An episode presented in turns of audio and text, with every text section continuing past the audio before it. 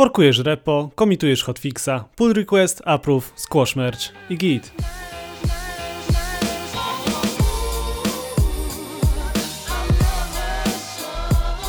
Witajcie w glosariuszu programisty, podcaście, który pomoże Wam odnaleźć się pośród wszystkich wyrażeń ze świata koderów, niezależnie od tego, czy swoją przygodę z programowaniem dopiero zaczynacie, czy macie już trochę doświadczenia.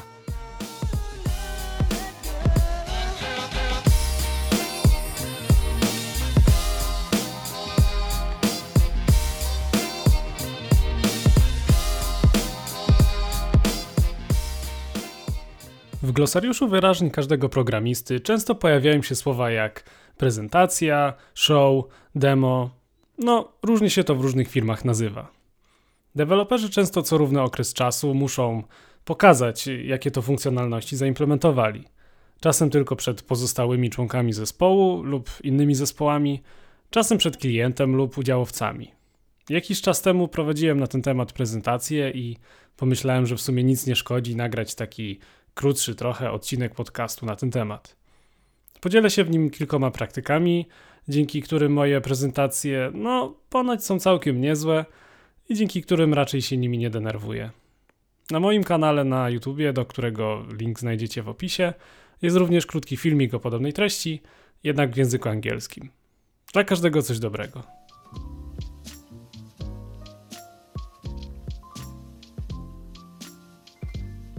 Jak Thanos powiedział kiedyś do Avengers, rzeczywistość bywa rozczarowująca. Naszym zadaniem jest udowodnić, że Thanos się myli. Nasza prezentacja musi pokazać, że rzeczywistość jest piękna, a nasza praca jest tego dowodem. Może nam się jednak nie udać, ale nie ma powodu do obaw. Według strony presentationpanda.com 79% prezentacji jest nudnych, więc no, jeszcze jedna nudna prezentacja nie zrobi większej różnicy. Widzisz? Nie ma już potrzeby się denerwować. Jeśli jednak chcemy, aby nasza prezentacja była porządna, no musimy się do niej przygotować. Najpierw należy zdecydować, co jest głównym tematem prezentacji. Dobrą rzeczą jest spisanie wszystkich tematów, o których chcemy mówić. Możemy później tą listę wykorzystać jako plan prezentacji, który swoją drogą powinien być częścią każdej y, prezentacji biznesowej. Jeśli chcemy podzielić się jakimiś danymi, faktami czy statystykami, najpierw je sprawdźmy. Świat jest pełen fałszywych wiadomości, żartów, trollingu i tego typu rzeczy. Jest także pełen ludzi, którzy natychmiast sprawdzą, czy masz rację.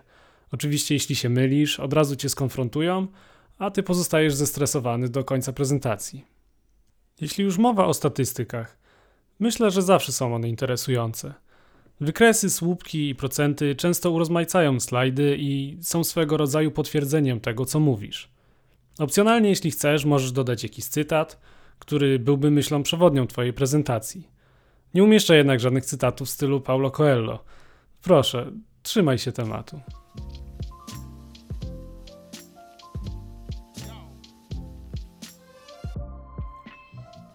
No dobrze, czujemy się dobrze przygotowani. Czas na zrobienie kilku slajdów. Jeśli nie chcesz mieć slajdów, to możesz pominąć tą część. Myślę jednak, że slajdy są dobre do utrzymania skupienia słuchaczy. Zawsze będą oni w stanie wskoczyć z powrotem do Twojej wypowiedzi, wyłapując kilka słów kluczowych, które będą widzieli na Twoim pokazie slajdów. Na co zwracać uwagę podczas tworzenia slajdów? Dla mnie najważniejsza jest struktura. Zacznij od planu prezentacji, by wszyscy wiedzieli, czego mogą się spodziewać po Twoim pokazie – Następnie zrób jakieś wprowadzenie do tematu, do Twojego przypadku, do Twojego projektu. Każdy musi znać kulisy, zrozumieć, dlaczego zrobiłeś to, co zrobiłeś, jaki jest sens Twojego tematu. Później jest czas na danie główne creme de la creme, najważniejszą część Twojej prezentacji. Jak to ma wyglądać? O tym za moment. Pamiętaj jednak, żeby trzymać słuchaczy w pewnym napięciu. Zostaw na koniec jakąś bombę. Twoja prezentacja powinna stopniować napięcie jak dobry film. Ostatni slajd lub slajdy powinny być poświęcone podsumowaniu. Postaraj się wskazać najważniejsze rzeczy, które każdy powinien zapamiętać z Twojej prezentacji. A co z tą częścią główną? Podziel ją na sekcje. Twórz je według podobnych tematów, przykład według obszarów w aplikacji. Spróbuj podkreślić najważniejsze rzeczy. Pamiętaj o czytelności. Używaj dużej czcionki, może bezszeryfowej. Jeśli prezentujesz za pomocą aplikacji typu Teams, Zoom, Google Meet, pamiętaj, że różne osoby mają różne rozdzielczości lub, lub rozmiary ekranu. No a Twój pokaz slajdów powinien być czytelny dla każdego. No i co do tej czytelności, mówi się, że maksymalna ilość słów na jeden slajd powinna wynosić 40. Myślę, że to dobry limit. Slajdy z większą ilością tekstu wydają się po prostu przepełnione i no, nikt nie czuje przy nich żadnej potrzeby do czytania tego wszystkiego.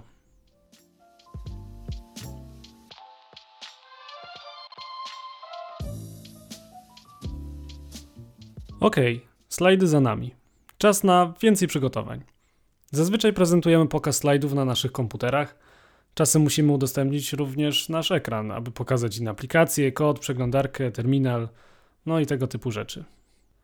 Pamiętajmy o tym, żeby otworzyć wszystko z wyprzedzeniem. Ustawić odpowiednie ścieżki w terminalu, otworzyć e, potrzebne foldery, wczytać strony we wszystkich zakładkach przeglądarki internetowej. Dobrą praktyką jest też robienie awaryjnych zrzutów ekranu w przypadku ataku obcych, burzy elektromagnetycznej lub po prostu słabego połączenia Wi-Fi. Każdy z wiodących systemów operacyjnych ma też tryb nie przeszkadzać. Możemy dzięki niemu uniknąć niepotrzebnych powiadomień lub po prostu żartów kolegów z pracy. Warto również sprawdzić funkcję powiększenia ekranu. Zazwyczaj można ją znaleźć w narzędziach dostępności używanego przez nas systemu operacyjnego.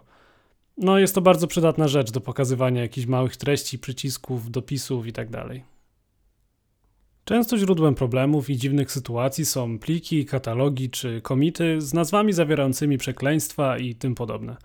Po sprawdzeniu GitHuba okazuje się, że setki tysięcy osób mają w kodzie tego typu wyrażenia, więc warto zwrócić uwagę, czy podczas prezentowania naszego ekranu nie natrafimy na tego typu teksty.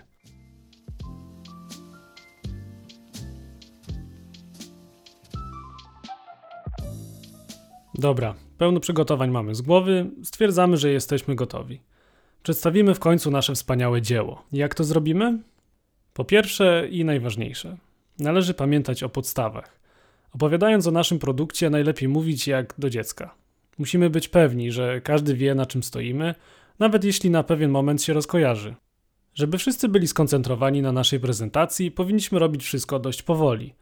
Powoli przewijać, powoli przełączać okna, powoli wpisywać tekst itd. Tak Również podczas pisania, klikania i machania zawsze opisuj to, co robisz.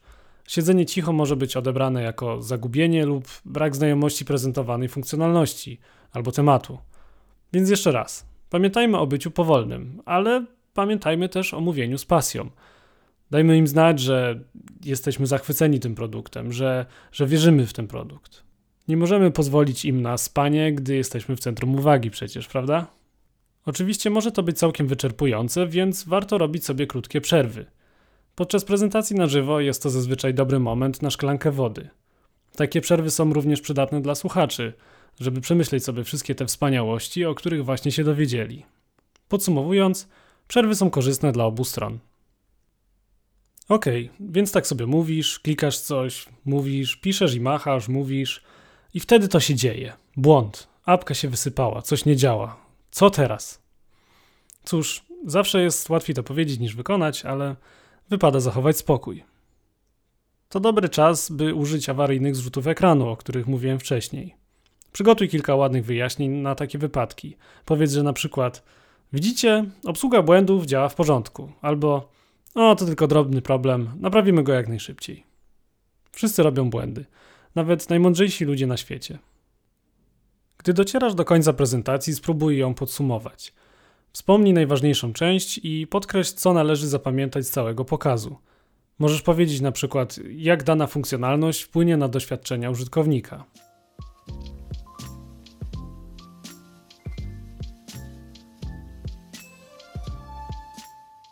Ok, tak wiele wskazówek i praktyk, sporo do przetworzenia.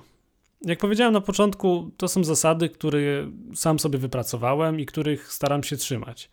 Możesz je wypróbować i zobaczyć, co działa w Twoim przypadku i co sprawia, że jest Ci wygodnie. Ja sam wciąż pracuję nad ulepszeniem swoich prezentacji, no bo zawsze są jakieś obszary do poprawy.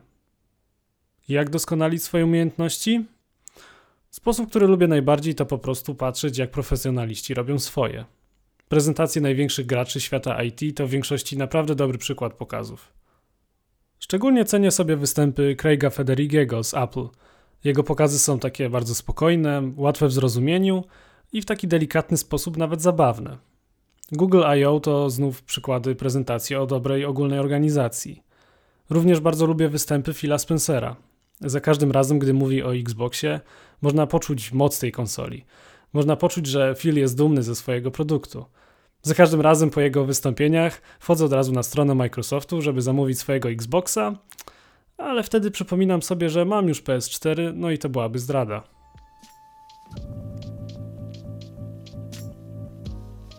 No i to tyle. Mam nadzieję, że znajdzie się tutaj kilka wskazówek, które sprawią, że Twoje prezentacje staną się przyjemne dla obu stron. Jeśli masz jakieś pytania lub uwagi, po prostu napisz do mnie na Twitterze. Do usłyszenia w glosariuszu programisty.